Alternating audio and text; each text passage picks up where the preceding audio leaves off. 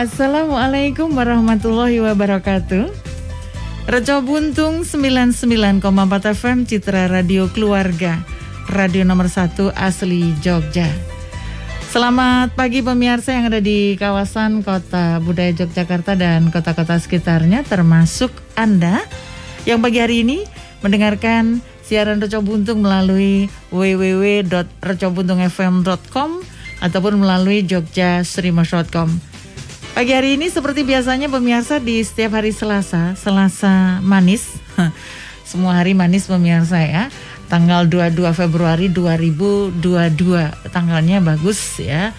Pagi hari ini seperti biasanya di acara Siaga Inspirasi Keluarga Reco Buntung ya bersama uh, desainer Jogja Wiwi Tosana tentunya di tips seputar busana. Aisyah Kirana menemani pemirsa bersama uh, Mas Wiwi Tosana pagi hari ini. Selamat pagi, Assalamualaikum. Waalaikumsalam. Selamat pagi Mbak Ais. Apa kabar?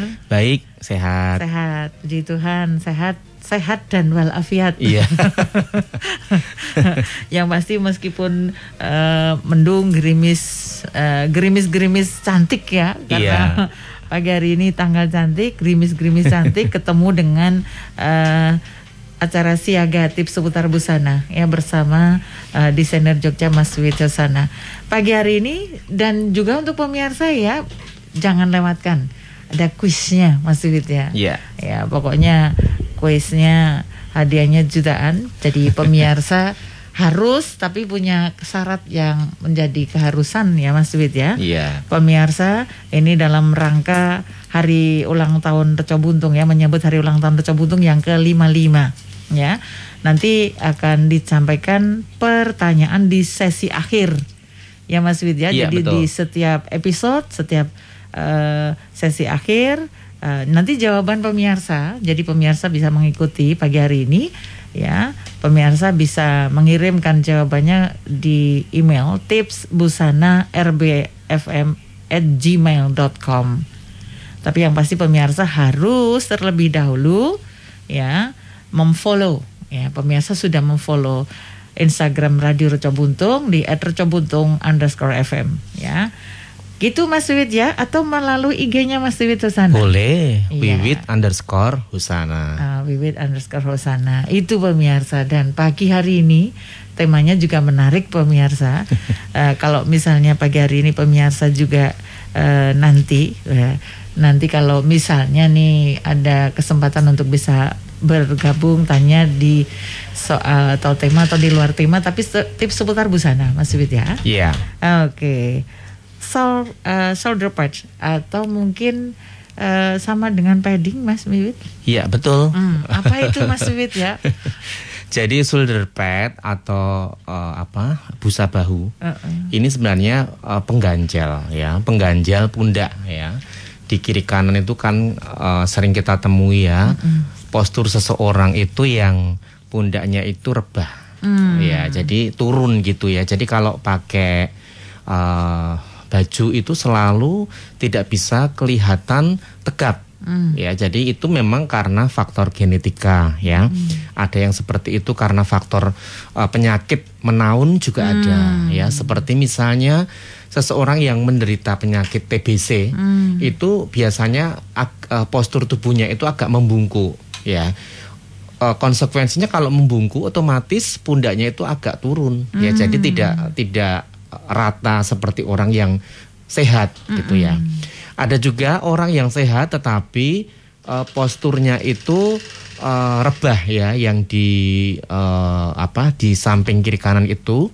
Ada juga orang yang sehat tetapi yang rebah itu hanya salah satu ya misalnya hanya di bagian kiri atau di bagian kanan.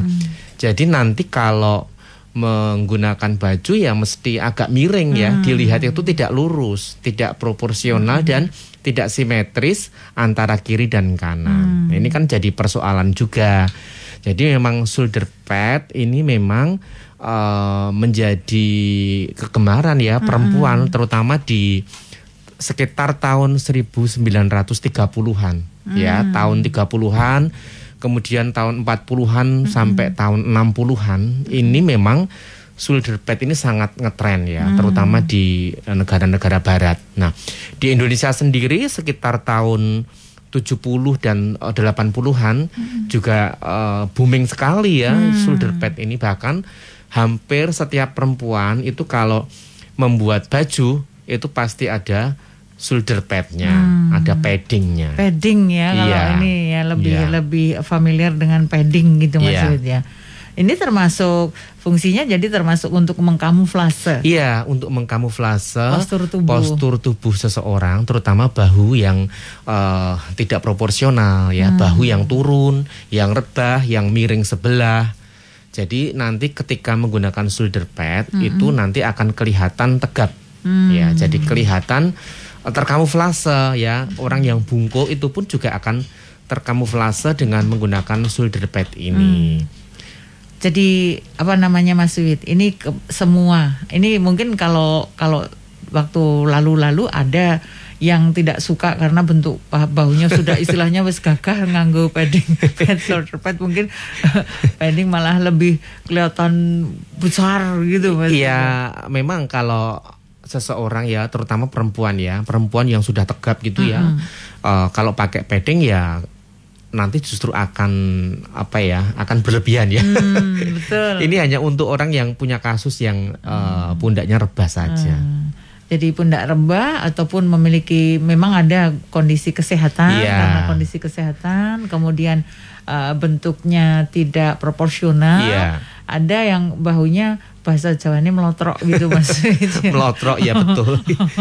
Tapi kalau melotroknya kedua-duanya lebih gampang ya. Hmm. Yang susah itu kalau uh, melotroknya gitu hanya ya. salah satu ya, misalnya kiri atau uh, kanan saja. Hmm. Itu biasanya sering menjadi persoalan karena kadang-kadang kita bingung untuk mengkamuflasenya gimana uh, ada yang punya inisiatif yang melotrok itu nanti didobel hmm. uh, paddingnya didobel hmm. sedangkan yang uh, yang naik itu hmm. hanya satu hmm. saya pernah kok uh, melayani customer saya yang seperti ini hmm. dan uh, mereka juga tidak protes artinya selama itu membuat penampilannya menjadi ideal hmm. ya mereka senang-senang hmm. saja dan tapi, ini apa namanya? Tapi memang anu Mbak, apa ada beberapa perempuan ini yang alergi dengan Betul.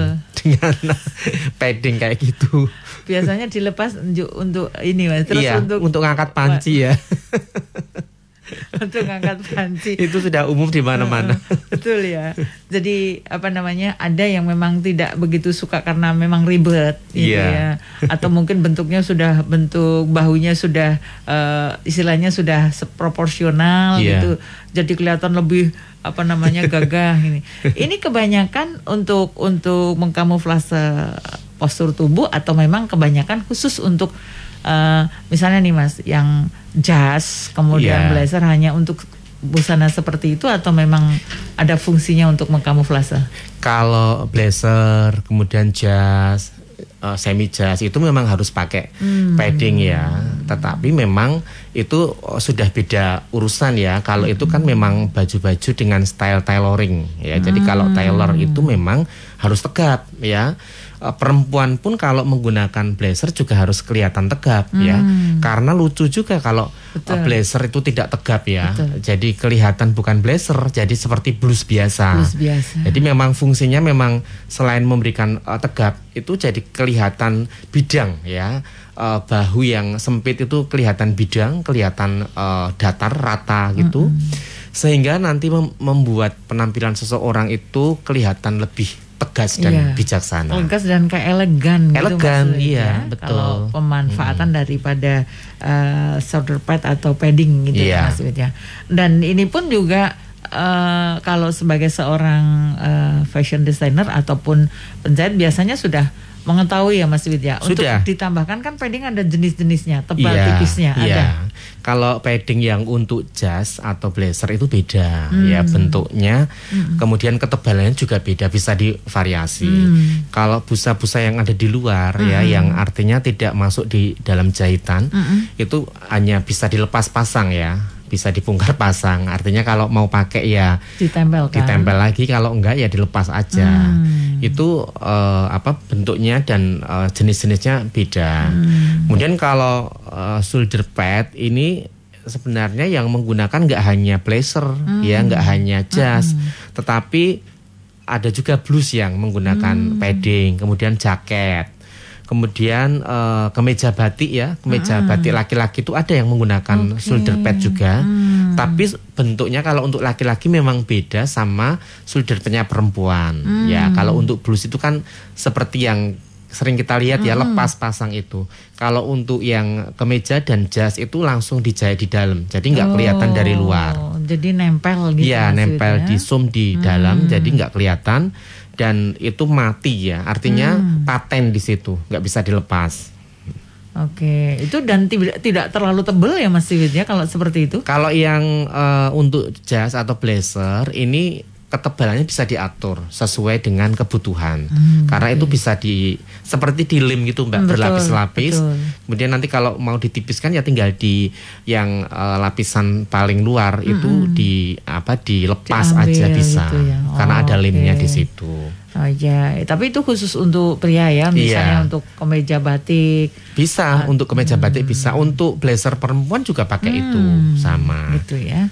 Bahkan ada loh kebaya yang berpuring ya, kebaya berpuring full itu juga menggunakan padding juga ada. Hmm. Ya kan mereka beranggapan bahwa kebaya itu juga eh, bisa tampil modis, bisa tampil eh, tegap ya bagian atasnya. Mm-mm, betul ya. Ada, tapi tidak sampai yang ke sini ya Mas Yudi hanya Tidak, sebatas- jadi ya hanya sebatas bahu, ujung bahu itu supaya kelihatan rapi dan eh, perempuan yang berkebaya itu tidak begitu terekspos ketika pundaknya itu rebah. Jadi tujuannya adalah memang mengkamuflase postur tubuh Iya. yang tidak proporsional Iya. gitu Mas Yudi Iya, ya. Oke. betul.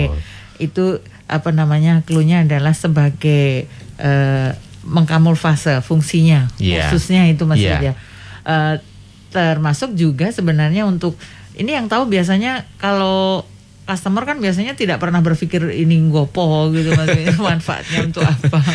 ya, kadang-kadang customer itu kalau sudah sering dikasih busa ya baju apa aja mesti minta busa. Ya mereka kadang tidak sadar ya eh, keperluannya untuk apa gitu. Ya, tetapi memang kalau dengan busa itu penampilan seseorang jadi kelihatan rapi ya. Ada yang lebih percaya diri Mas. Iya, ya, rapi. gitu ya. Kemudian apa ya eh, garis eh, pundaknya jadi tegas ya, Ah, jadi itu. kelihatan bersih gitu ya, Betul. tidak ada kerut-kerutnya di sekitar situ. itu ya jadi kesannya itu apa ya namanya ya elegan jadi bentuknya postur tubuhnya Iya. juga bagus Tetapi memang ada yang alergi juga ya, karena Hmm. ada yang mungkin eh merasa risih gitu ya kalau ada padding nempel di situ, terutama kalau berkeringat ya. Hmm. Kalau berkeringat itu kadang-kadang eh, gatal juga ada yang gatal karena nggak tahu ya karena mungkin busanya itu atau kainnya gitu ya, mungkin maksudnya. ya. Jadi merasa tidak nyaman, kemudian dilepas. Nah, padahal Hmm. ada satu eh, ketentuan ya dalam pembuatan pola itu kalau seseorang yang biasa menggunakan padding atau shoulder pad ini, mereka itu polanya beda sama yang tidak, yaitu pola bahunya kalau menggunakan shoulder pad itu bahunya dinaikkan satu sampai dengan satu setengah. oh dinaikkan Iya, ujung bahu kiri kanan itu dinaikkan satu sampai dengan satu setengah. Hmm. Itu kalau dengan pad. Jadi dengan padding itu akan nanti polanya juga akan mengikuti. Jadi Hmm. kelihatan rapi ya, kelihatan tegap. Nah kalau paddingnya dilepas, sementara polanya masih tetap seperti itu ya, nanti dipakai jelek. Hmm. Oh, Artinya nanti akan ada sisa di ujung ini yang di ujung eh, pundak ya kiri kanan itu nanti polanya jadi aneh Hmm. ketika padding itu dilepas. jadi ya itu tadi jadi agak menurun turun jadi gitu tidak ya. rapi ya dan panjang lengannya jadi tambah panjang. iya anu apa namanya lebih lebih ke bawah gitu Mas Yudi Iya. karena kalau yang namanya apa namanya kebaya apalagi Mas Iya. harus pas potongannya gitu Harus, ya. Ya, kalau sudah diukurnya karena Iya. menggunakan padding kalau paddingnya dihilangi juga akan merubah Iya. Gitu, baik itu untuk pemirsa ya jadi yang namanya shoulder pad atau padding Baik, saya akan mulai. Oh, sudah banyak sekali yang mengirimkan WhatsApp. Selamat pagi Mas Wiwit. Selamat pagi. Selamat pagi, selamat siaran. Sebenarnya oh ini sebenarnya dari ini dari Mbak Muti di Karanganyar. Iya. Mas Wiwit sebenarnya padding itu hanya khusus untuk perempuan atau juga untuk laki-laki. Kesannya kok aneh ya kalau laki-laki pakai padding. Mohon penjelasan Mas Wiwit. Ya enggak juga ya laki-laki itu uh, kalau uh, uh, bikin jas ya pasti ada paddingnya ya dan padding itu tebal tipisnya disesuaikan dengan kebutuhan. Ya ini penjahitnya pasti tahu ini uh, uh, ini posturnya gimana. Kalau posturnya masih normal, paddingnya biasanya tipis. Tetapi kalau memang sudah bermasalah misalnya rebah, ya harus dikasih padding yang agak tebal.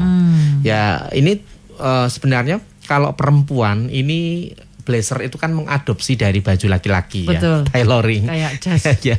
Jadi ya uh, sebenarnya uh, laki-laki itu banyak yang menggunakan padding ya, terutama untuk uh, jas ya, untuk baju-baju resmi itu biasanya pakai batik juga ada paddingnya.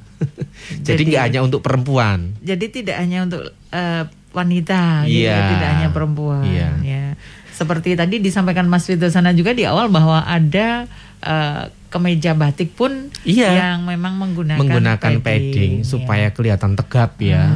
Terutama untuk laki-laki dan perempuan itu yang pundak pundaknya itu tidak lebar ya, sempit.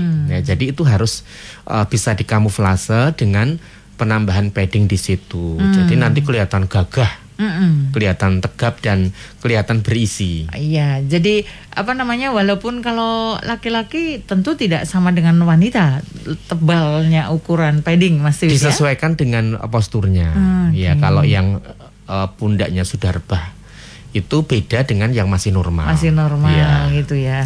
Tentu tidak seperti kalau wanita tebal gitu. Kalau pria kan juga ada ukurannya gitu. Perempuan ya. juga ada yang tebal, ada yang tipis Oh, ya, gitu ya. disesuaikan dengan dengan uh, kebutuhan. Karena busa yang dijual itu kan ada yang tipis, Betul. Hmm. ada yang tebal, ada yang sedang.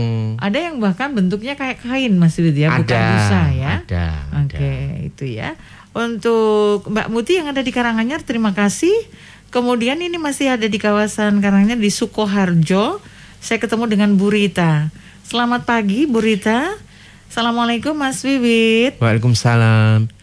Mas Wiwit sepertinya zaman sekarang sudah jarang ya ibu-ibu yang pakai busa bahu. Apakah apakah karena tidak nyaman atau karena penjahitnya yang males bikin?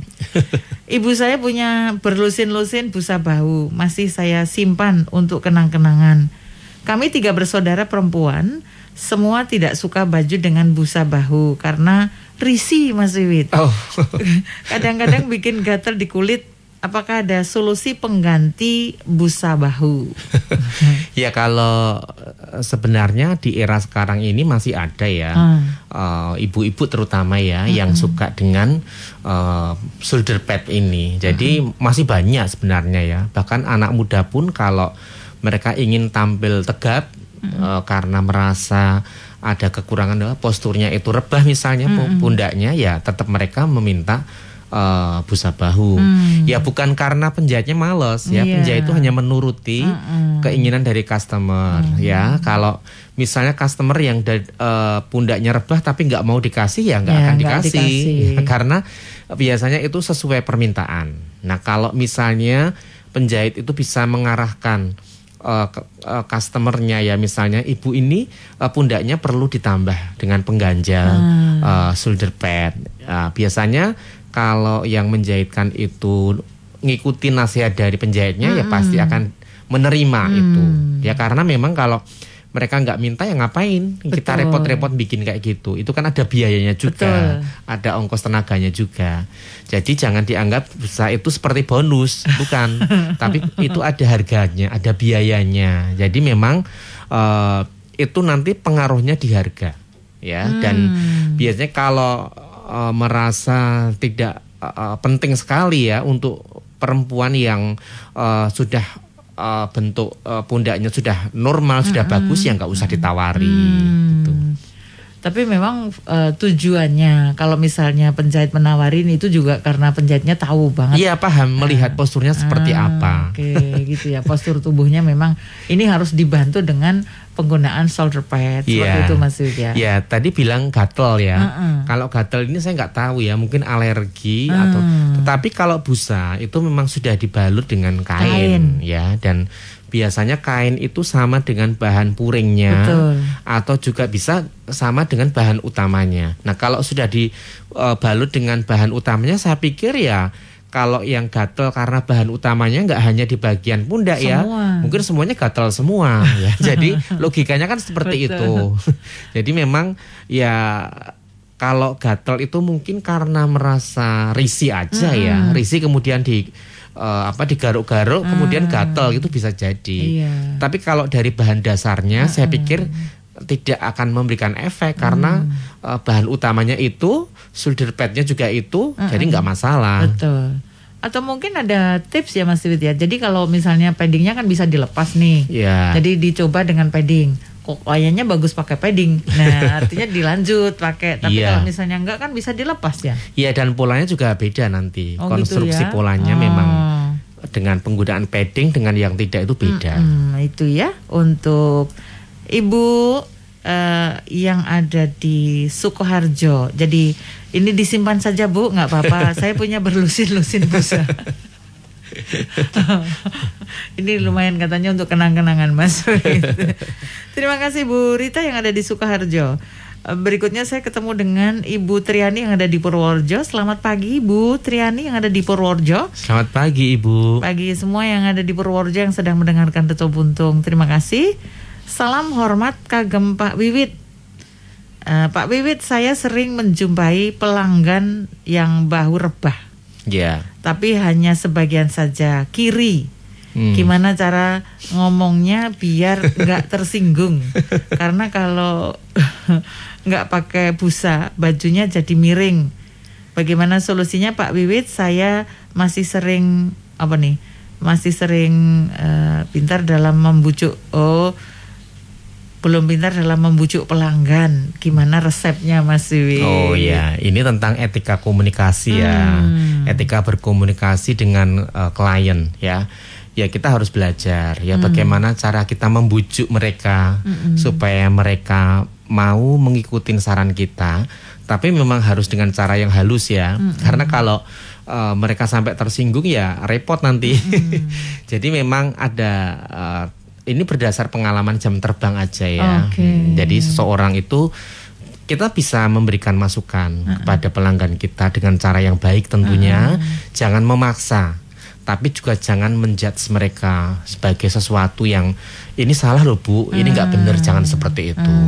Ya kita kasih masukan aja ibu. Kalau ini ibu saya kasih padding gimana bu? Nanti hasilnya lebih bagus. Iya. Jadi kelihatan proporsional. Nah, saya pun sering menjumpai eh, klien saya itu yang eh, miring ya. Jadi posturnya itu tidak lurus tapi miring dan itu sangat eh, tidak bagus ya nanti kalau menggunakan eh, busana apa pun ya karena nanti lengan yang satu itu pasti kepanjangan. Ah, Ya, lengan yang yang rebah itu nanti lengannya pasti kepanjangan. Nah, bagaimana untuk menyiasatinya? Berarti harus ada dua jenis eh, padding yang berbeda, ya. Yang bagian yang naik itu kita kasih yang tipis, kemudian yang eh, rebah itu kita kasih double. Nah, ada jenis padding yang kalau di double itu tidak kelihatan itu double ada, yaitu eh, kita bisa menggunakan padding yang khusus untuk eh, blazer atau jas. Itu karena bisa di apa namanya bisa kita eh, lepas ya karena ada lemnya. Nanti yang dilepas itu untuk yang tipis, yang tebal itu biarkan nanti untuk yang rebah. Jadi nanti kelihatan eh, proporsional.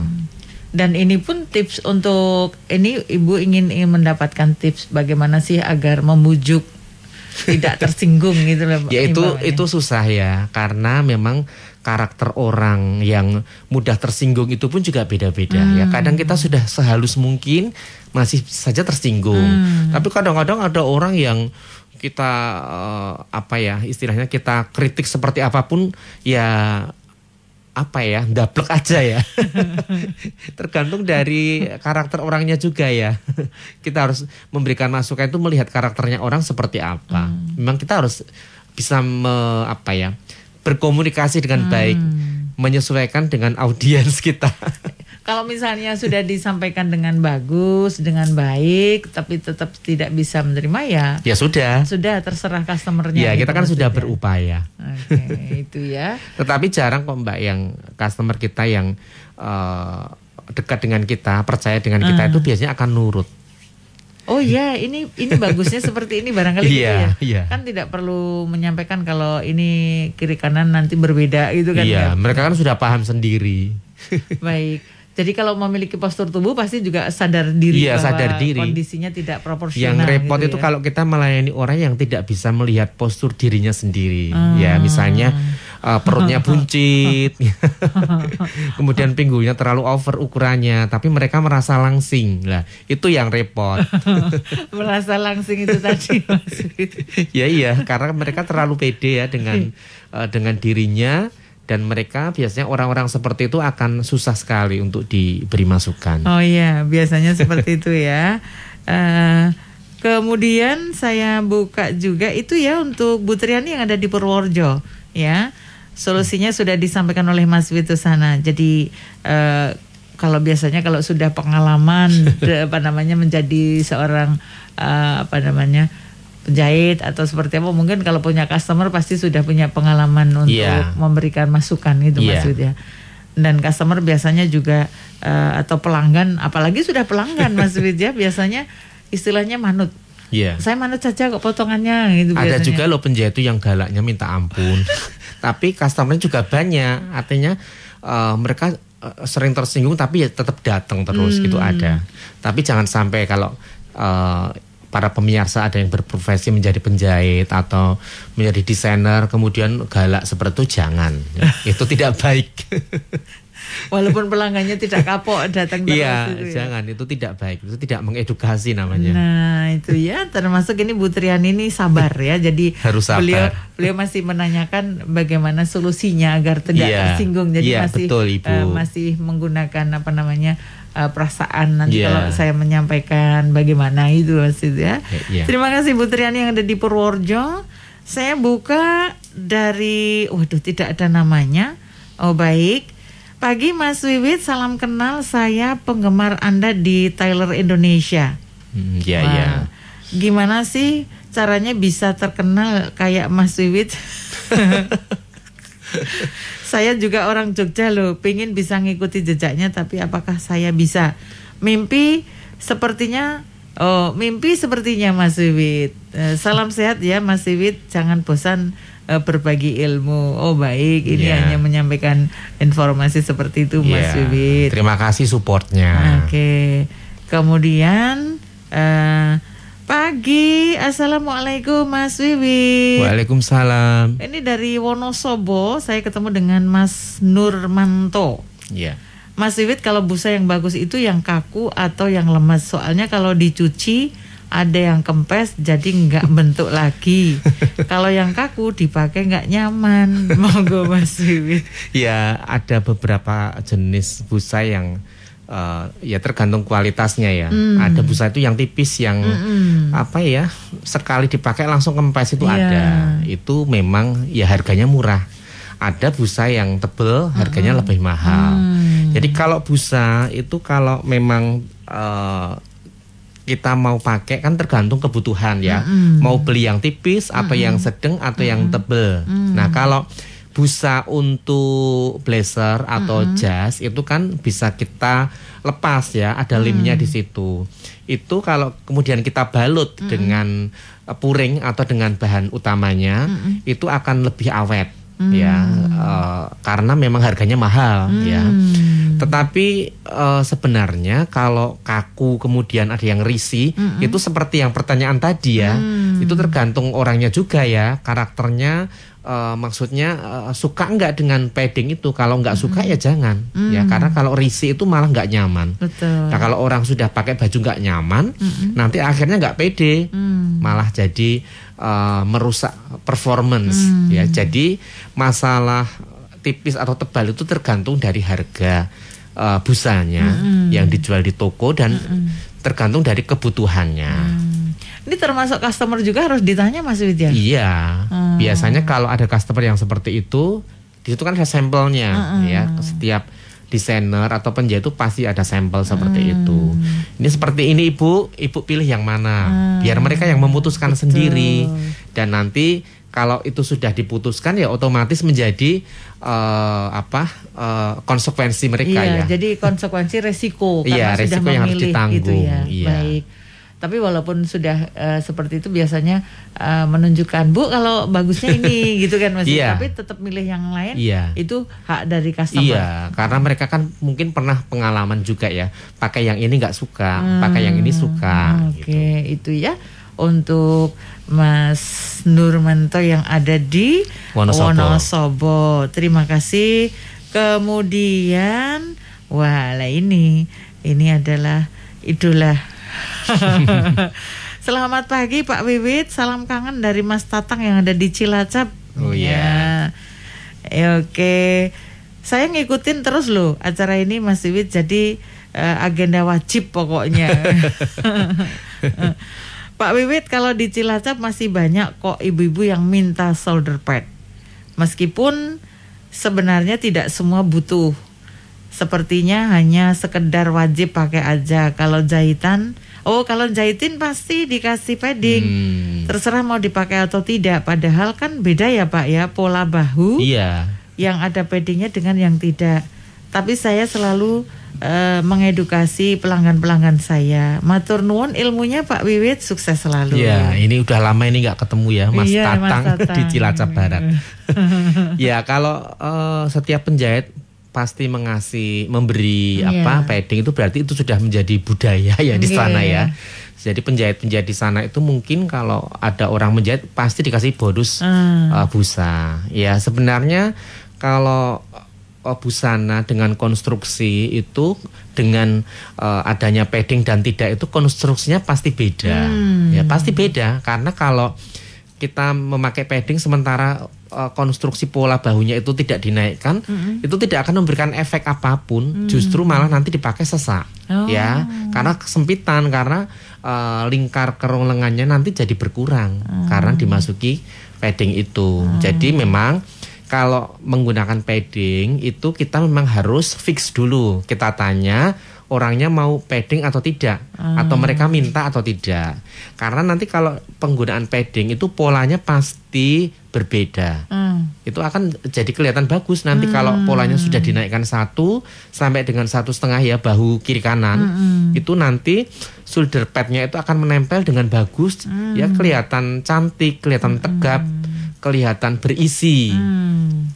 dan bersih gitu ya mas iya ya? clean hmm. karena memang tujuannya memang seperti itu Baik dan ini apresiasi Mas Tatang sudah mengedukasi. Iya. Eh, ini memang itu. saya sangat salut ya dengan Mas Tatang ini memang jiwa apa ya jiwa sebagai seorang pendidiknya itu sangat bagus sekali ya. Hmm. Bahkan di sana itu sampai membuat dua kelas Hmm. Dua kelas ini kelas pagi dan kelas siang hmm. gitu.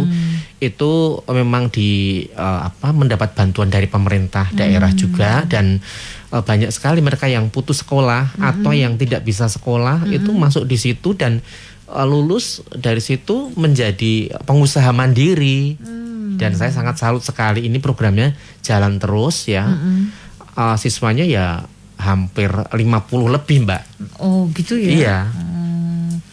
Dan ini kalau uh, sudah mendapatkan uh, subsidi dari pemerintah kan menjadi salah satu juga apa namanya uh, satu kayak lembaga pendidikan gitu berkelanjutan, uh, berkelanjutan. ya karena ada uh, bantuan ya support dari pemerintah uh dan Cilacap itu kan banyak sekali mereka yang uh, apa namanya uh, di daerah-daerah tertentu itu uh yang mereka yang tidak melanjutkan sekolah hmm. ya karena uh, kondisi ekonomi mungkin -huh. atau karena memang uh, kultur ya, hmm. kultur di daerah itu memang beda dengan yang lain.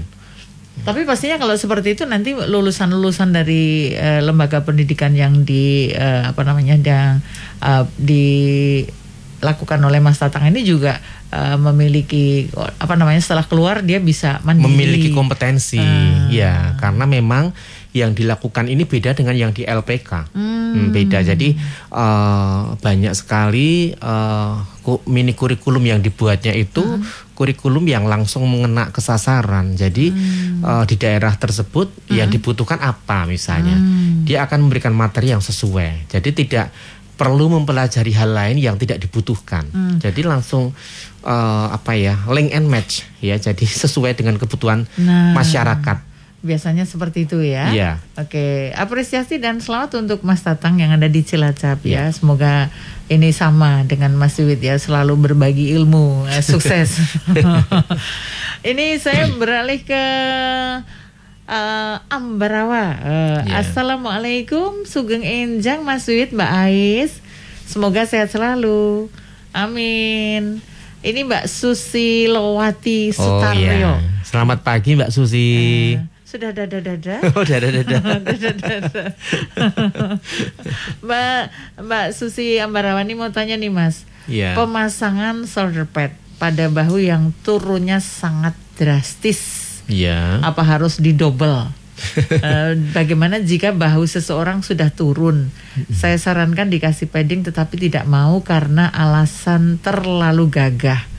Bagaimana Mas Wiwit solusinya? Terima kasih. Salam LDSC. Kalau uh, busanya sudah uh, maaf uh, pundaknya sudah turun ya, artinya mm -hmm. rebahnya terlalu, gitu memang harus pakai ya. Ini untuk orang yang uh, ingin me, berpenampilan yang baik, hmm. ya artinya ingin menutupi kekurangan postur tubuhnya itu hmm. bisa kelihatan sempurna dilihat hmm. orang ya kalau tidak suka dengan uh, apa namanya uh, shoulder pad bisa juga lengannya itu dibikin lengan puff hmm. ya dikerut gitu ya hmm. jadi nanti kelihatan uh, bahunya itu nanti tegap ya bisa kelihatan uh, apa tidak terlalu rebah ya jadi memang kalau uh, mereka paham ya pundak saya ini sudah jatuh sudah hmm. rebah sudah turun tetapi kok tidak mau pakai Ya, hmm. berarti salah satunya caranya adalah membuat lengan yang di puff hmm. atau dikerut. Itu nanti akan memberikan uh, sedikit uh, penampilan yang beda ketika dia menggunakan lengan yang licin hmm. dibanding dengan menggunakan lengan licin. Hmm. Itu solusinya menggunakan uh, apa namanya? yang apa? Mas ya. Lengan yang nanti kelihatan itu. mekar itu uh, uh, ya. Yang ada kayak iya, dalamnya. Iya. Dalamnya itu nanti juga bisa dikasih penyangga. Uh, uh. Penyangga itu nanti dari uh, tilo yang kasar itu iya, bisa betul. menggunakan puringnya nanti dilipit-lipit kecil uh, itu bisa. Betul. Jadi itu akan membantu juga menyamarkan pundak yang turun. Oke, itu untuk Mbak Susulowati Sutaryo yang ada di Ambarawa. Nanti kita lanjut lagi Mas Wiwit ada masih banyak WhatsApp yang harus yeah. kita jawab, tapi kita akan lewatkan yang berikut. 99,4 FM, Reco Buntung, Yogyakarta. Reco Buntung 99,4 FM Citra Radio Keluarga Radio nomor 1 asli Jogja.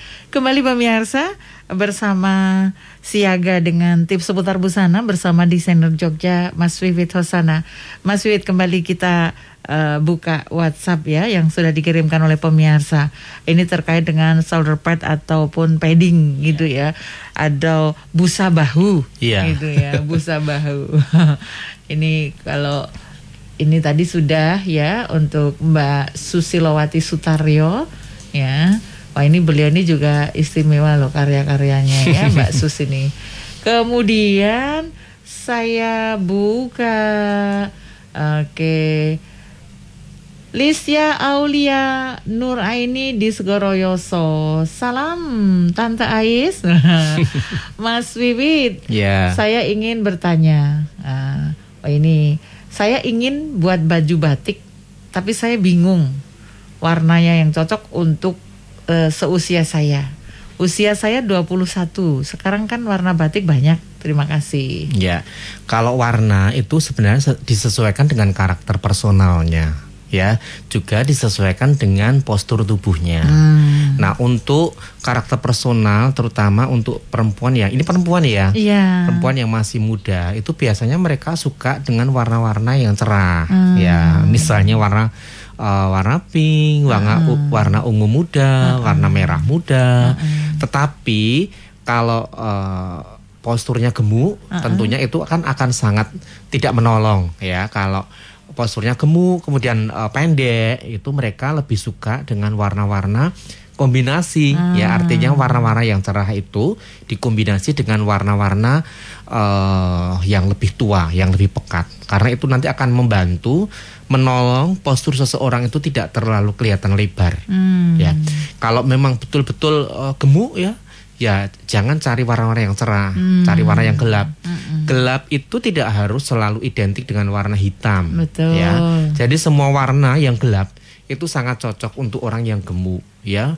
Biru tua hijau tua Navy. iya. Kemudian eh, merah tua ungu tua ya yang tua.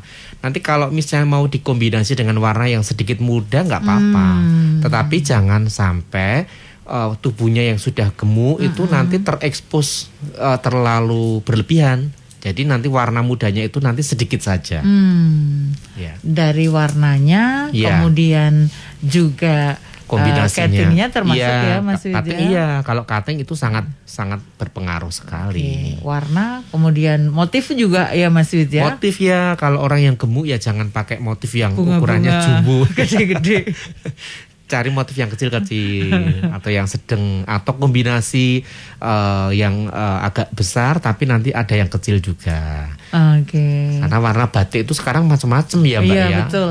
Jadi memang kita harus uh, bisa memilih sesuai dengan karakter kita. Kira-kira batik yang seperti apa ya yang cocok Hmm. untuk saya, warna seperti apa yang cocok untuk uh, warna kulit Hmm. saya, kemudian postur saya. Tentunya yang tahu ya uh, orangnya sendiri. Hmm, itu ya untuk eh, Lisya Aulia Nur Aini yang ada di Segoroyoso. Semoga sudah terjawab ya. Kemudian saya buka ini urutannya ya.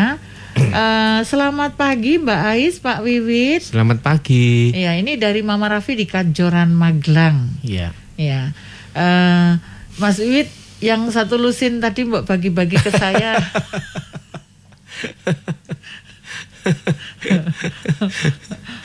Ini dulu kalau masih remaja kalau bikin baju sering pakai padding. Sekarang pakai gamis juga masih. Iya. Itu juga bisa membantu yang lengan kepanjangan. Iya. Oke, malah pingin itu yang gamis-gamis tak kasih perkat paddingnya. Iya. Cuma punya dua jadi bisa dicopot. Iya. Terima kasih Mama Raffi di Kanjuran. Memang penempelannya itu bisa dengan perekat itu, Hmm. bisa dijahit, jahit mati, artinya nggak bisa dilepas. Iya. Ada juga dengan kancing tekan Kancing tekan. atau kancing eh, cedit itu Kalau ya. dulu bilangnya benik cedit. Iya, bisa juga dijahit. Eh, jadi memang tergantung kalau orangnya sudah paten ya, artinya itu busa itu tetap mau dipakai terus. Biasanya mereka dijahit mati di situ. Tetapi memang kalau busanya nempel terus itu nanti kita kalau nyetrika susah. Iya. Jadi ini seperti Mama Raffi Kanjuran ini sudah menerapkan trips yang betul Iya, ya Mas Wid ya. Dengan perekat benar Ah, itu. Jadi dicopot, kemudian kalau mau dipakai dipakai lagi Iya. gitu ya. Dan bisa dipakai ganti-ganti gitu Bisa. Mas Wid ya. Oke. Terima kasih Mama Raffi yang ada di Kanjuran Magelang. Saya buka dari Oh iya. Assalamualaikum Mbak Santik Mas Wiwit. Waalaikumsalam. Mas guruku yang gantengnya Pol. Wah idaman wanita seantero Nusantara ya Mas Wiwit. Mas Wiwit untuk shoulder pad atau busa itu pasnya tebel berapa senti ya Mas ya? Kalau dulu hampir semua yang jahit di tempat saya pasti Iya. pakai busa. Ya. Tapi kalau sekarang kebanyakan nggak usah pakai busa, wong yang ketutupan jilbab. Oh iya. Nah, ini bagaimana Mas Wid mohon penjelasannya. Kemudian ada pelanggan saya dia minta panjang lengannya yang sebelah lebih panjang satu cm karena katanya memang panjang Iya. sebelah. Ya. Apakah itu bisa diatasi dengan shoulder pads, Mas Wiwit? Hmm. Jadi eh, begini, ini dari Ibu Darwati ya.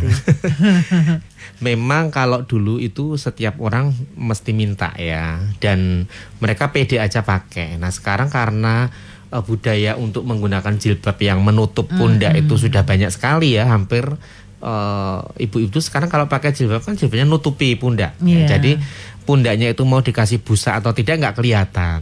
Ya, ya eh, sebenarnya tergantung dari orangnya juga ya. Kalau mereka ingin berpenampilan baik, ya artinya bisa menutupi pundaknya yang rebah itu, jadi kelihatan tegap. Ya kita ikutin aja, kita turutin aja. Ya. Busa itu ada yang tipis ya, ada yang eh, satu senti, ada yang satu setengah, ada yang dua senti, ada yang dua setengah. Ya, saya pernah memiliki busa, eh, tapi di Jogja ndak ada kayaknya.